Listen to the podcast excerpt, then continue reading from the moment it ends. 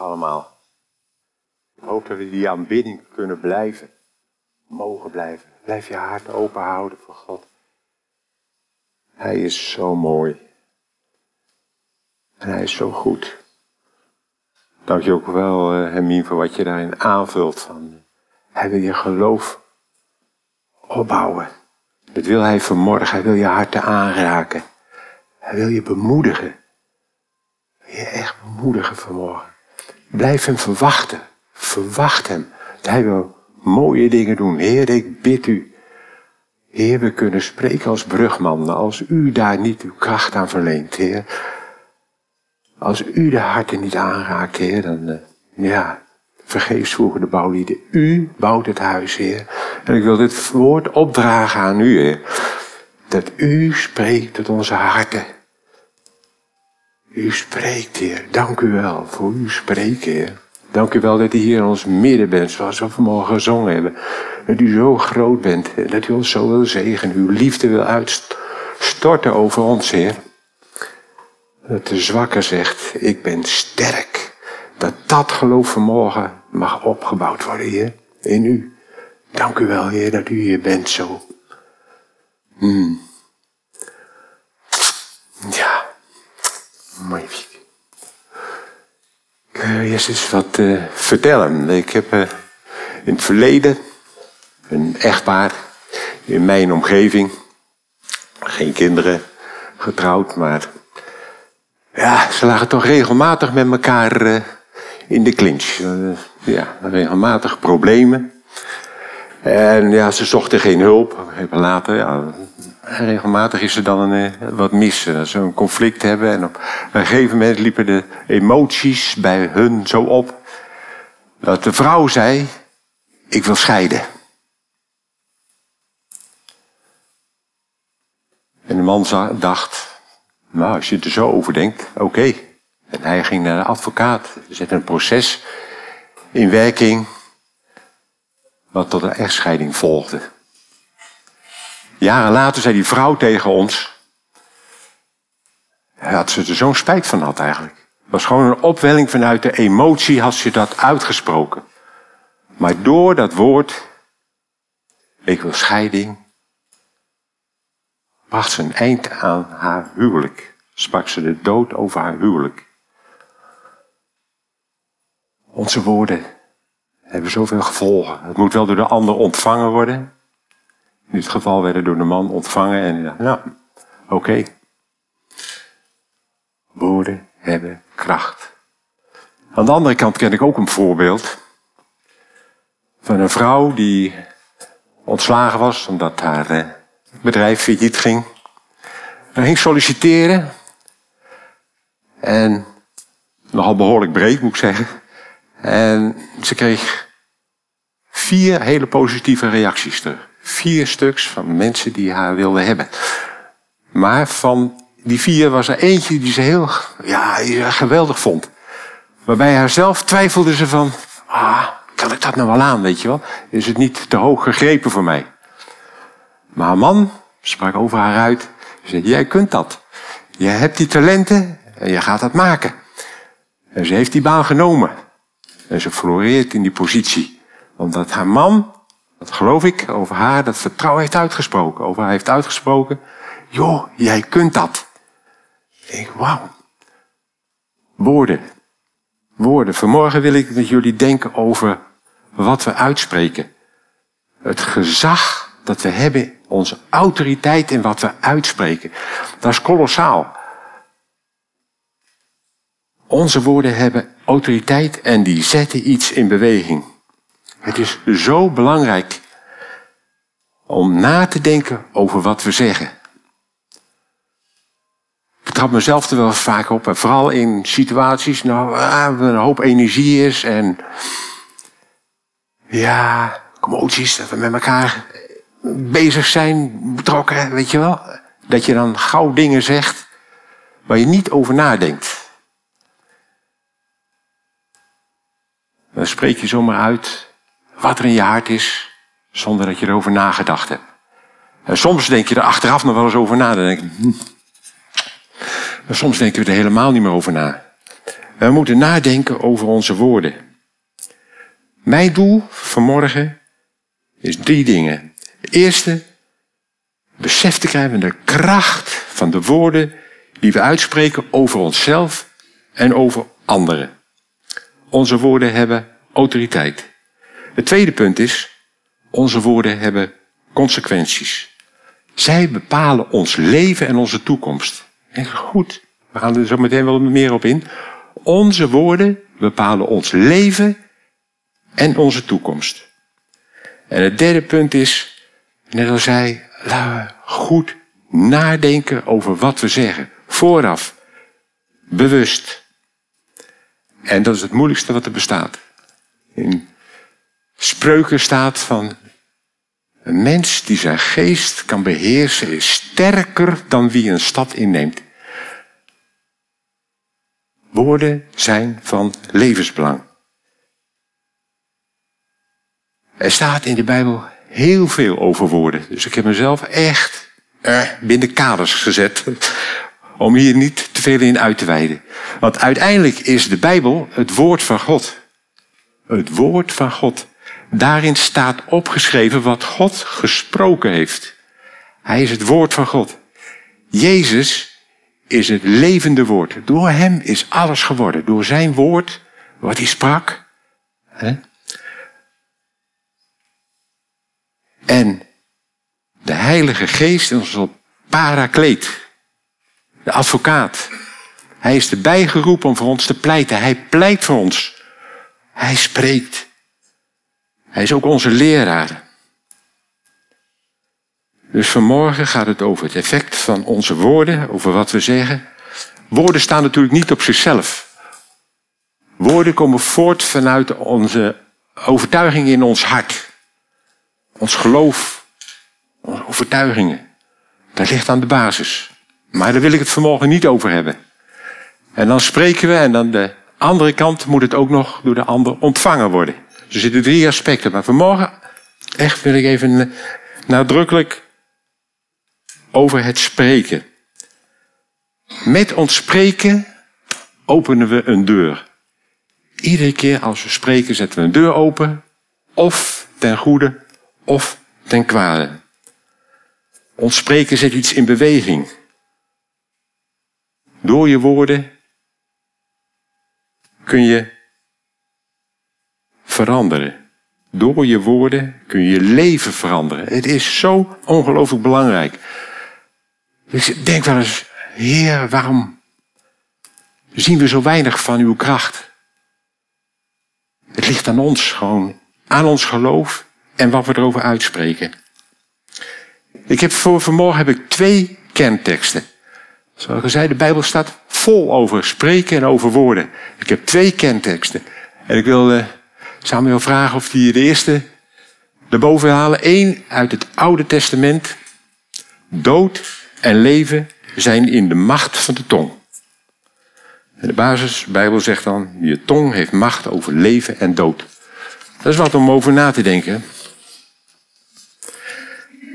De tweede tekst, we komen er straks allemaal op terug hoor. Dat is voor mij een tekst die mijn leven lang al verschrikkelijk belangrijk is. Gewoon, indien u met uw mond beleidt dat Jezus Heer is.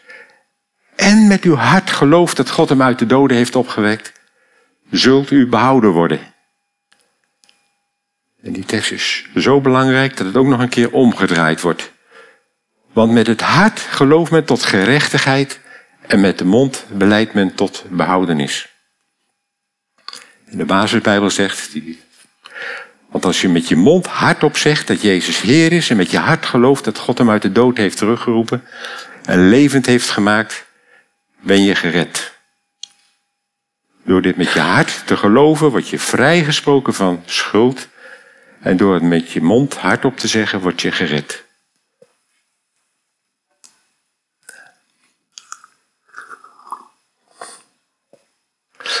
nu ingaan op het eerste punt. Het hoofd, het fundament van deze gave. Het is echt een gave. Wat is de oorsprong van dit bijzondere talent en het belang van het kunnen nadenken en het onder woorden brengen van je gedachten en je wil? Onze schepper heeft al het zichtbare en het onzichtbare geschapen door te spreken. Heel Genesis 1 en 2 gaat alleen maar over het spreken van God. Hij sprak en het was er. Hij heeft van tevoren alles bedacht, tot in detail. Hij is zo onnoemelijk groot. Alles heeft hij bedacht tot in detail. En hij sprak het uit. Door Jezus. Door die levende woord is. Alles, alle dingen zijn gemaakt door het woord. En zonder dit woord is geen ding dat gemaakt is. Dat staat in Johannes 1, vers 3. Dat is Jezus. Gods woord heeft volledige autoriteit. Zijn spreken is ontzagwekkend. Hij spreekt en het gebeurt. God regeert. God regeert door zijn woord en door zijn spreken. In Jezaja 55 staat dat geen van Gods woorden vruchteloos zullen terugkeren, maar het zal doen wat hem behaagt. Dat zijn Gods woorden. Hebben ongelooflijke macht en autoriteit. Dat is onze basis. Dat is onze God. We komen bij de mens. De mens is gemaakt naar het beeld en de gelijkenis van God. Beeld zegt iets van het uiterlijk. Daar wil ik dus nu ook niet op ingaan. Want God is geest, maar heeft ook wel een geestelijk lichaam. Maar gaan we nu niet op in. Ik wil alleen het tweede aspect pakken. Die is van belang in deze situatie. Zijn gelijkenis. Zijn gelijkenis zegt iets over wie hij is, over zijn kenmerken, over zijn eigenschappen. En zijn enorme eigenschap is dat hij dingen kan bedenken, kolossaal ver boven wat wij maar kunnen beseffen, en het tot aanzijn kan roepen door te spreken.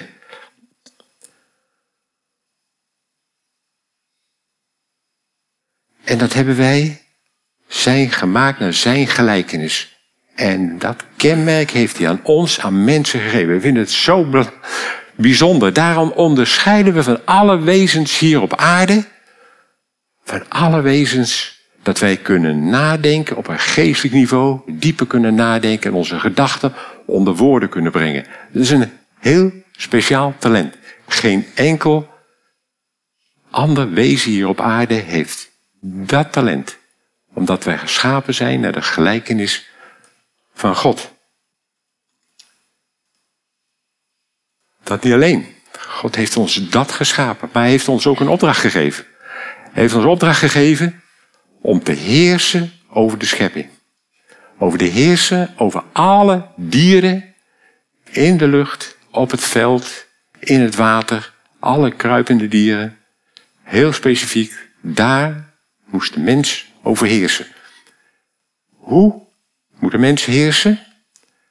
De mens heerst door te spreken. Wij, spreken, wij heersen door te spreken. Spreken over situaties. Spreken over de dieren. Wij zijn de ambassadeur van God hier op aarde. En de ambassadeur heeft autoriteit en macht omdat hij door het koninkrijk waar hij van uitgezonden is, heeft gekregen. Dus Adam moest heersen over die dieren. En God leidde al die dieren voor hem en hij was benieuwd hoe hij ze benoemen zou. God, of Adam, namens God mocht hij uitspreken over de dieren wie ze waren. En eigenschappen. En met dat hij dat doet, krijgt hij autoriteit over de beesten. Door het spreken over die beesten gaan ze hem gehoorzamen. Ze voelen zijn autoriteit. Hij had macht over alle dieren gekregen van God. Door te spreken over die beesten. We zijn een groot deel van die eigenschappen zijn we kwijtgeraakt, maar een klein beetje vinden we nog wel terug. Bijvoorbeeld als je een, een hond hebt. En je weet dat je autoriteit hebt over die hond. En die hond die weet van jou dat hij autoriteit heeft, dat jij autoriteit hebt, hebt over dat beest. Dan zal dat beest gehoorzamen. Ik heb daar hele mooie voorbeelden van gezien. De honden die minste geringste daarop reageren. Ze weten wie hun baas is. Dat weten ze. En dat is nog een afspiegeling daarvan. Jezus heeft ook gezegd, heeft een voorbeeld aangehaald over de herder en de schapen. De schapen luisteren naar de stem van de herder. Nou, zo zijn er denk ik een heleboel te benoemen. Er zijn een heleboel door de zondeval kwijtgeraakt. Maar ik geloof dat het nog steeds geldt voor ons. Dat geloof ik met heel mijn hart. Die autoriteit heeft ons God gegeven, alleen we hebben het laten roven. We hebben zoveel laten roven. En wil je aanmoedigen in geloof. Geloof over situaties. Dat we daar het goede van mogen uitspreken. Dat is over de dieren.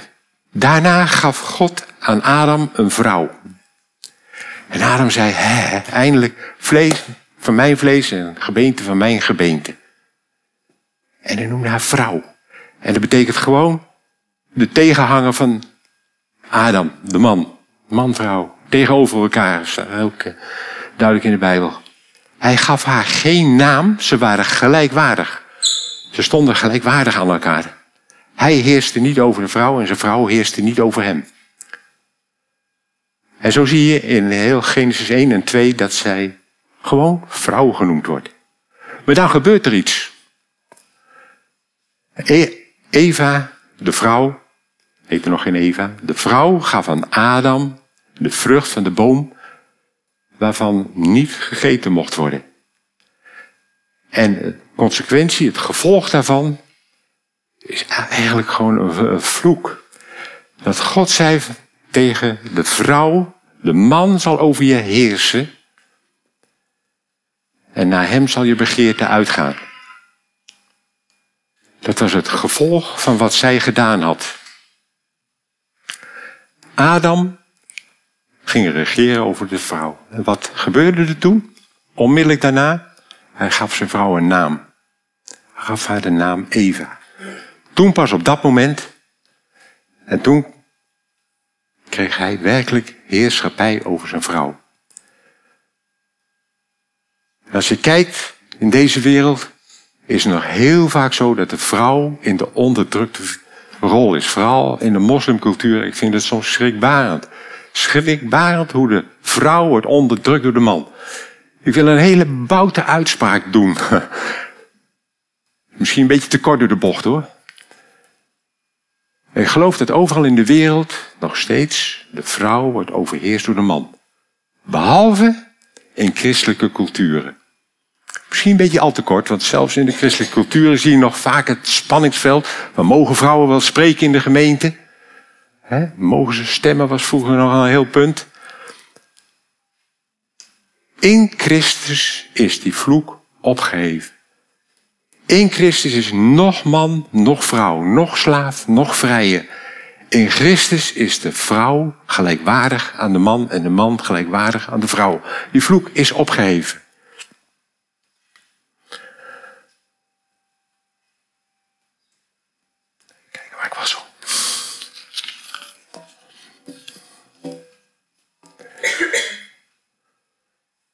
Onze woorden hebben macht en kracht in de geestelijke wereld. En God slaat er acht op. Weet je wie er altijd luistert? Misschien luisteren jullie. Ik hoop van dat je wel goed luistert. Maar er is één die altijd luistert. Er is één die altijd luistert en dat is God. Die luistert altijd. Die luistert heel intens. Die kijkt naar onze motieven. Die kijkt naar ons hart. Hij luistert altijd. En daarom zijn onze gebeden zo een geweldige mogelijkheid dat we mogen uitspreken naar Hem toe. In de eerste plaats Hem mogen eren, maar ook maar mogen vragen wat, hij, wat we nodig hebben.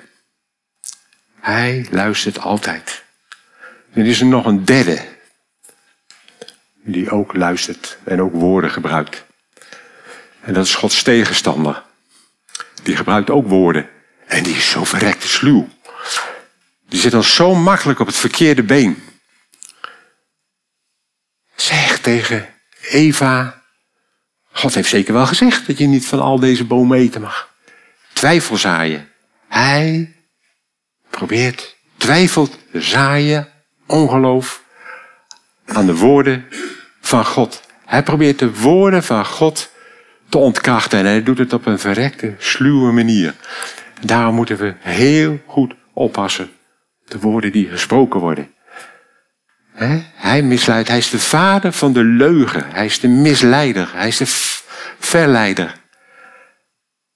Mensen, pas op op zijn woorden. Geef de duivel geen voet. Geef de duivel geen voet. Zij ging in discussie met hem. Jezus werd ook verzocht door de duivel. Indien u Gods zoon bent, weer twijfel zaaien.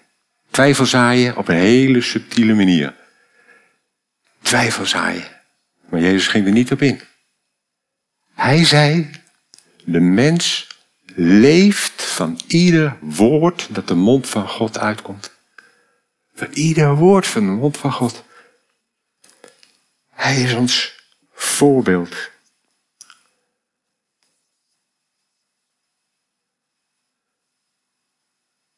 God had tegen hem gezegd, dit is mijn geliefde zoon. En dat was niet voor hemzelf, want dit wist hij wel. Voor de omstanders. Dit is mijn geliefde zoon. En hij liet zich echt niet van zijn vertrouwen afbrengen. Hiermee hoop ik dat jullie begrepen hebben wat de oorsprong is en de kracht van onze woorden, van de talenten van onze woorden. Dat is de basis. En ik hoop dat jullie dat Dat is het antwoord op vraag 1. God regeert door te spreken en ook wij regeren door, onze, door ons spreken. Onze woorden hebben uitwerking. Nu hebben we het tweede aspect. Ik noem dat meer het hartaspect. Wat is de betekenis van het spreken voor ons dagelijks leven? En dan komen we bij onze kernteksten. Zullen we de eerste weer even naar boven halen? In Spreuken 18, vers 21a. Dood en leven zijn in de macht van de tong. Denk eens over na. Dood en leven zijn in de macht van de tong. Onze woorden, onze woorden bepalen onze leven en onze toekomst. Door wat we uitspreken.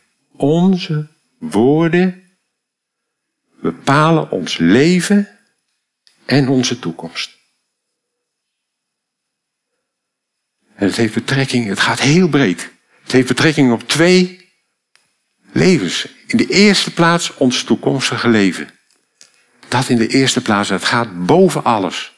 Het eeuwige leven. En daarna ook over ons leven hier op aarde.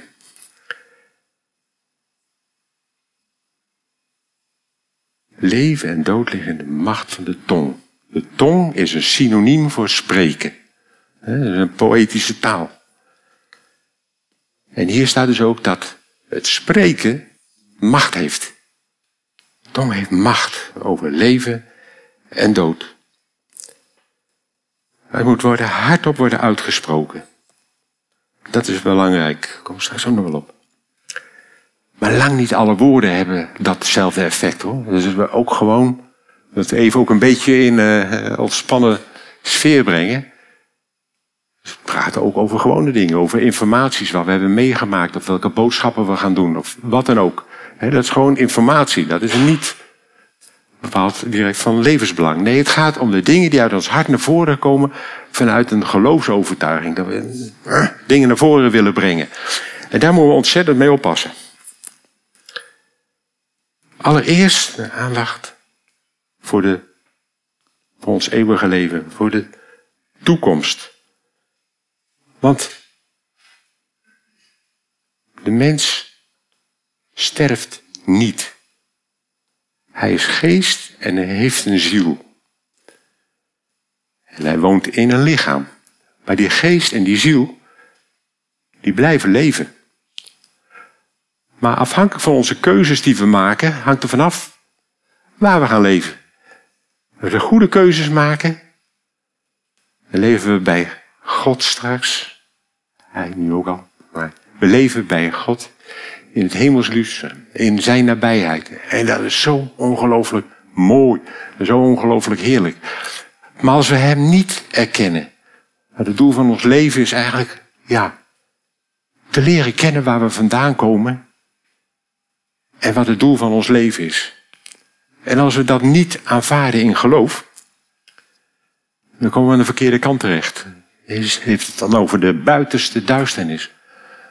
Nou, ik probeer me wel eens wat voor te stellen, maar dat lijkt mij afschuwelijk. Lijkt me af, afschuwelijk. Want wij ervaren nu al heel veel van God, gewoon ook in de samenleving, alle mensen. Maar als je niks meer van Hem ervaart, die zoveel van je af is, dat je geen, niets meer van Hem ervaart, dat is geen leven. Dat is eeuwige dood, zoals de Bijbel dat noemt. Want de Bijbel spreekt dan over ja, de eeuwige dood. Dat is verschrikkelijk. Maar God heeft een machtig mooie toekomst voor ons in petto. En ook nu al. We mogen leven in zijn koninkrijk. Nu al op aarde. Maar het is van belang dat we nu die keuze maken. En die keuze gaat echt boven alles. Dan komen we bij die tweede tekst. tekst die, eh, ja, ik vind in de MBG ook altijd het mooiste. Want indien je met je mond beleidt, dat is hardop uitspreekt, getuigt dat hij Jezus Heer is, en met je hart gelooft dat God hem uit de doden heeft opgewekt, zul je behouden worden. Want met het hart gelooft men tot gerechtigheid en met de mond beleidt men tot behoudenis.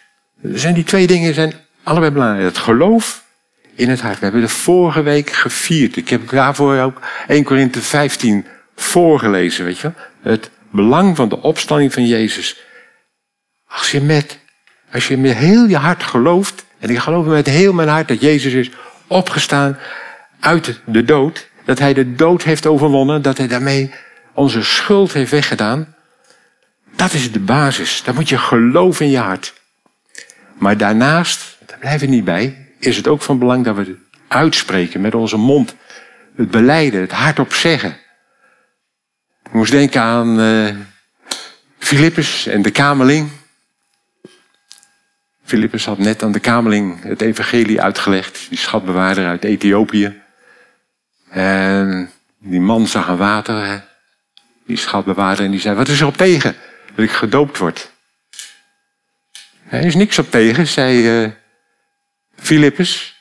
Alleen,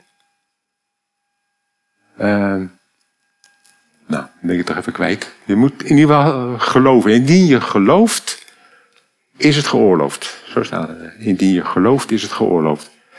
En wat zei die kameling toen? Ik geloof dat Jezus Christus de Zoon van God is. Dat was voldoende. Daardoor kon hij gedoopt worden. Daardoor heeft hij uitgesproken tot zijn behoud in zijn hart. Geloof in Jezus maakt je rechtvaardig, maar het is noodzakelijk om dit hardop uit te spreken en van te getuigen om behouden te worden. Dit is van levensbelang. Ik wil even ingaan op het woordje beleiden, wat daar staat. Hè? Beleiden. In het Grieks staat daar hamalachai. In het Nederlands, een beetje meer verstaanbaar in onze taal, is homo logeo. Bestaat uit twee woorden. Homo kennen we, Homo is gelijk. En logeo, denk aan logos, dus het woord, verklaring, maar ook het spreken. Dus het is de diepe betekenis van beleiden, is dat je hetzelfde spreekt. En wat spreken we nu hetzelfde? We spreken wat God tot ons zegt. We spreken wat God zegt. Wat God zegt, dat spreken we uit. Dat is de betekenis van beleiden. Daarom zijn we ook een confessionele kerk, een beleidende kerk. We beleiden Jezus als Heer. We spreken uit dat God over ons gezegd heeft.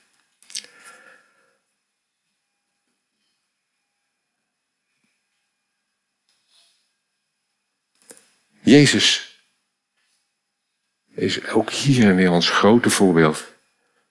Jezus sprak alleen wat de Vader tot hem zei. Anders niks. Johannes 14, vers 10 staat, geloof je dan niet dat ik één ben met de Vader en dat de Vader één is met mij? Wat ik tot, tegen jullie zeg, zijn niet mijn eigen woorden. De Vader, die één met mij is, die doet zijn werk door mij. En werken is spreken. Kijk maar naar Genesis. God rustte van al zijn werk, van al zijn spreken. Jezus sprak alleen maar wat God tegen hem zei. Alleen maar. Daarom, wij moeten alleen maar de woorden spreken die God spreekt tot ons. Door zijn woord. Daarom is het belangrijk dat we ons goed verdiepen in zijn woord. Wat God zegt, dat spreken we uit. En dan beleiden we zijn woord. En laat ons niets daarvan afbrengen. Soms moeten we wel eens, ja, heel sterke uitdrukkingen uitspreken. Maar het is toch belangrijk om elkaar op te bouwen. En dat wil ik vanmorgen doen. Dat er ook, ook opletten dat er een eenheid is van ons hart met wat we spreken. Dat we geen leugen spreken. Dat er geen dualisme is. Dat is ook verrekte belangrijk. Dat het spreek je ook niet hetzelfde. En dat proeven mensen ook. Ja. Dat is tweeslachtigheid. Tweede punt is dus. De samenvatting. Met onze woorden bepalen we onze toekomst. Onze eeuwige toekomst. Die gaat ver boven alles. Want we gaan nu even over ons aardse leven verder. Maar ik wil er nog één ding. Ons aardse leven is volstrekt ondergeschikt aan het leven van God. Wat we daarin uitspreken. Dat gaat er bovenaan. Jezus zegt, indien um, nou, weet ik het. het uh, indien u uw leven lief hebt, zul je het kwijtraken. Maar indien je je leven haat in deze wereld, zul je behouden worden. Dat geeft aan, boven alles mogen onze woorden nooit ons leven, ons eeuwige leven in gevaar brengen.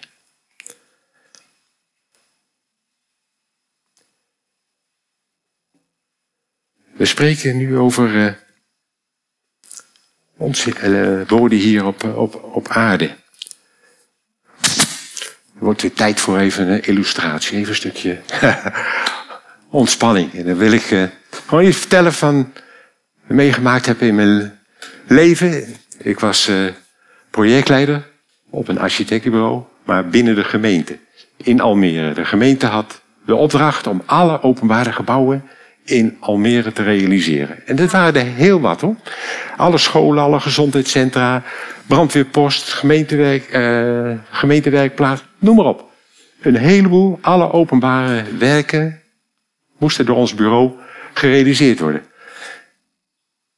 Dat was in 1985. Zei de gemeente, ja, maar we willen nu ook eens een keer een andere architect de ruimte geven om ook een project te realiseren. En ik kreeg de opdracht om dat project te begeleiden. Als projectleider binnen de gemeente. Dat wordt tot mijn taak, dus ik moest een beetje toezicht houden dat het ook nog een beetje ja, kwalitatief eh, voor elkaar kwam. Die architect had nog nooit iets gerealiseerd. Zijn bureau stond barstensvol met allemaal maquettes. En mensen waren daar ontzettend van onder de indruk. En als ik met die mensen sprak, medewerkers, mede-architecten, die wilden gewoon bij dat bureau werken. Want ze zagen de kwaliteit van die man. De kwaliteit van die ontwerpen. Maar had nog nooit iets gerealiseerd. En het eerste project, ik heb hem nog nagekeken, het eerste project van hem wat gerealiseerd was, was het politiebureau in Almere Haven. En dan mocht ik begeleiden. En weet je hoe die man zijn bureau noemde? Hij noemde zijn bureau Oma. En Oma, moet je letten wat hij zegt, hè? OMA staat voor Office for Metropolitan Architecture. Maar had nog nooit iets gerealiseerd. Bureau voor wereldwijde architectuur. Durfde hij zijn, zijn bureau te noemen. Ik dacht bij mezelf, die man die heeft uh, last van grote, grootheidswaanzin hoor. Dat dacht ik echt. Zei dat niet, maar waren wel mijn gedachten. Ik dacht, man, hè, je gaat je eerste projectje hier realiseren, een politiepostje hier. Weet je, die man, die man, misschien hebben we wel van hem gehoord, hij is Rem Koolhaas. Een van de grootste architecten ter wereld. Hij heeft een groot bureau in Rotterdam. Hij heeft een bureau in New York. Hij heeft een bureau in Hongkong. Hij heeft een bureau in Australië. Hij heeft heel veel bureaus. En hij geeft les als professor aan de Harvard University in architectuur en stedenbouw. Ja, mensen, kinderen. Het heeft voor mij zoveel indruk gemaakt. Zoveel indruk gemaakt. Die man was overtuigd in zijn hart van zijn kunnen. En heeft het gerealiseerd. Overtuigd, geloof in zichzelf. Ik vond het wonderbaarlijk. Ik vond dat zo'n gigantisch voorbeeld. Wat zeggen we? In de eerste plaats, wat denken we over onszelf? Wat gaat er in ons hart om? Laten we daar zo mee oppassen. We zeggen zoveel dingen waarvan we denken, oh. Hermine en ik zijn elkaar altijd nog wel een beetje daarop aan het, uh, op attent aan het maken. Van, wat spreken we uit over onszelf? Want de vijand die wil alleen maar stelen en vernietigen en doden. Wat zeg je? Wat zeg je over je huwelijk? Ik heb er straks al een voorbeeld uh, gegeven in het begin. Hè? Uh, het zal nooit goed worden. Alsjeblieft, denk eraan. Nee, dit huwelijk wordt goed. Ik heb echt huwelijks, van ik denk soms een, ook best een enorme crisis. Maar we geloven dat God ons helpt. Hij helpt hier ons doorheen. Wij gaan, daar wat aan, we gaan eraan werken om elkaar te verstaan, om elkaar te begrijpen. En God zal ons leven zegenen. En ik heb gezien binnen de kortste keren kreeg het huwelijk goed op de rit. Kost best wat energie, maar wat spreek je erover uit? Misschien zeg je wel van, ja, die baan is helemaal niks voor mij. Daar heb ik ook wel een voorbeeld van genoemd. Maar met ja, met God, als Hij overtuigt deze baan, kun je best aan. Kun je dat aan? Kun je dat doen? Ik zal nooit uit de schulden komen. Ook zo'n opmerking die je best wel eens hoort. Zeg dat niet. ik heb nog wel willen uitzoomen, maar ik dacht, laat ik niet allemaal benoemen. Maar Jezus zegt over het zorgen maken. En zeg niet, dat zegt hij letterlijk hoor. En zeg niet wat zullen we eten morgen? Wat zullen we dragen? Wat kleding dragen morgen? Zeg niet, pas op onze woorden. He? Kinderen maken me gek. Wauw, wat zeggen we soms, hè? Zeggen we, wauw heer, dank u wel voor die kinderen. Dank u wel voor het leven wat erin zit. Ik dank u ervoor, hè? hè? Kost je soms best wat. We vanmorgen nog even over, hè? Nee. Pas op op wat je zegt. Echt. Pas op wat je zegt over je identiteit. Ik ben. Gebruik die woorden. Met zeer veel zorgvuldigheid. Ik ben bezorgd. Ik ben dik. Ben niet mooi genoeg. Ben niet goed genoeg. Je bent dat niet. Je bent dat niet. Dat is niet je identiteit. Je kunt wel iets hebben. Ik heb er best mee geworsteld van. Hoe ga je nu om met ziekte? Als je een bepaalde ziekte hebt. Mag je dat best zeggen? Bij mij geconstateerd, ik heb dit of dat. Maar ik geloof dat Jezus mij wil genezen. Hangt er net vanaf hoe je erover spraakt. Je bent niet die ziekte. Je bent niet verkouden. Nee, ik heb een verkoudheid. Het zijn wel hele simpele dingen. Wat spreken we uit? En dat is zo ongelooflijk veel belang in deze wereld. Ik denk dat dat een van de hoofdoorzaken is waarom we God niet zien doorbreken in onze levens. We moeten dingen zeggen die God tegen ons zegt. Jezus zegt zoveel dingen. Hij heeft ons gezegd van reinig de mensen van boze geesten. Genees hen. Dat zijn opdrachten die eh, Jezus gegeven heeft. Soms werd hij er ook wel helemaal tureluurs van. Dat hij beneden van de berg van de beheerlijking komt en beneden aan de berg zijn ze aan het worstelen over een jongen die ja, epileptische aanvallen heeft. En hij was er gewoon een beetje boos om. En waarom konden ze die jongen niet bevrijden? Om, vanwege hun ongeloof. Vanwege hun ongeloof. We mogen geloof hebben. Jezus zei, indien u tegen deze berg zet, verplaats u en u niet twijfelt in uw hart. Als je maar een geloof hebt van een mosterdzaadje. Nou, ik kan dat geloof niet opbrengen voor, voor een letterlijke berg. Maar Jezus heeft wel dat gezegd. Jezus sprak tot de storm en hij ging liggen, tot de zee en hij ging liggen. Hij heerst over de schepping en God wil het ons ook, heeft dat ons gegeven, indien we maar geloof hebben, indien we vertrouwen hebben. Jezus heeft gezegd, jullie zullen dezelfde dingen doen als ik doe. En zelfs nog grotere, mensenkinderen. Gigantisch. Maar ik wil gewoon zeggen, laten we gewoon beginnen met de, de dingen waarvan we echt geloof voor kunnen opbrengen. Wat we uitspreken. Let op ons spreken. Met name over je identiteit. En ook over wat je wel en wat niet kan. Houd op om dood uit te spreken over je gezondheid, je financiën, je huwelijk, je relaties.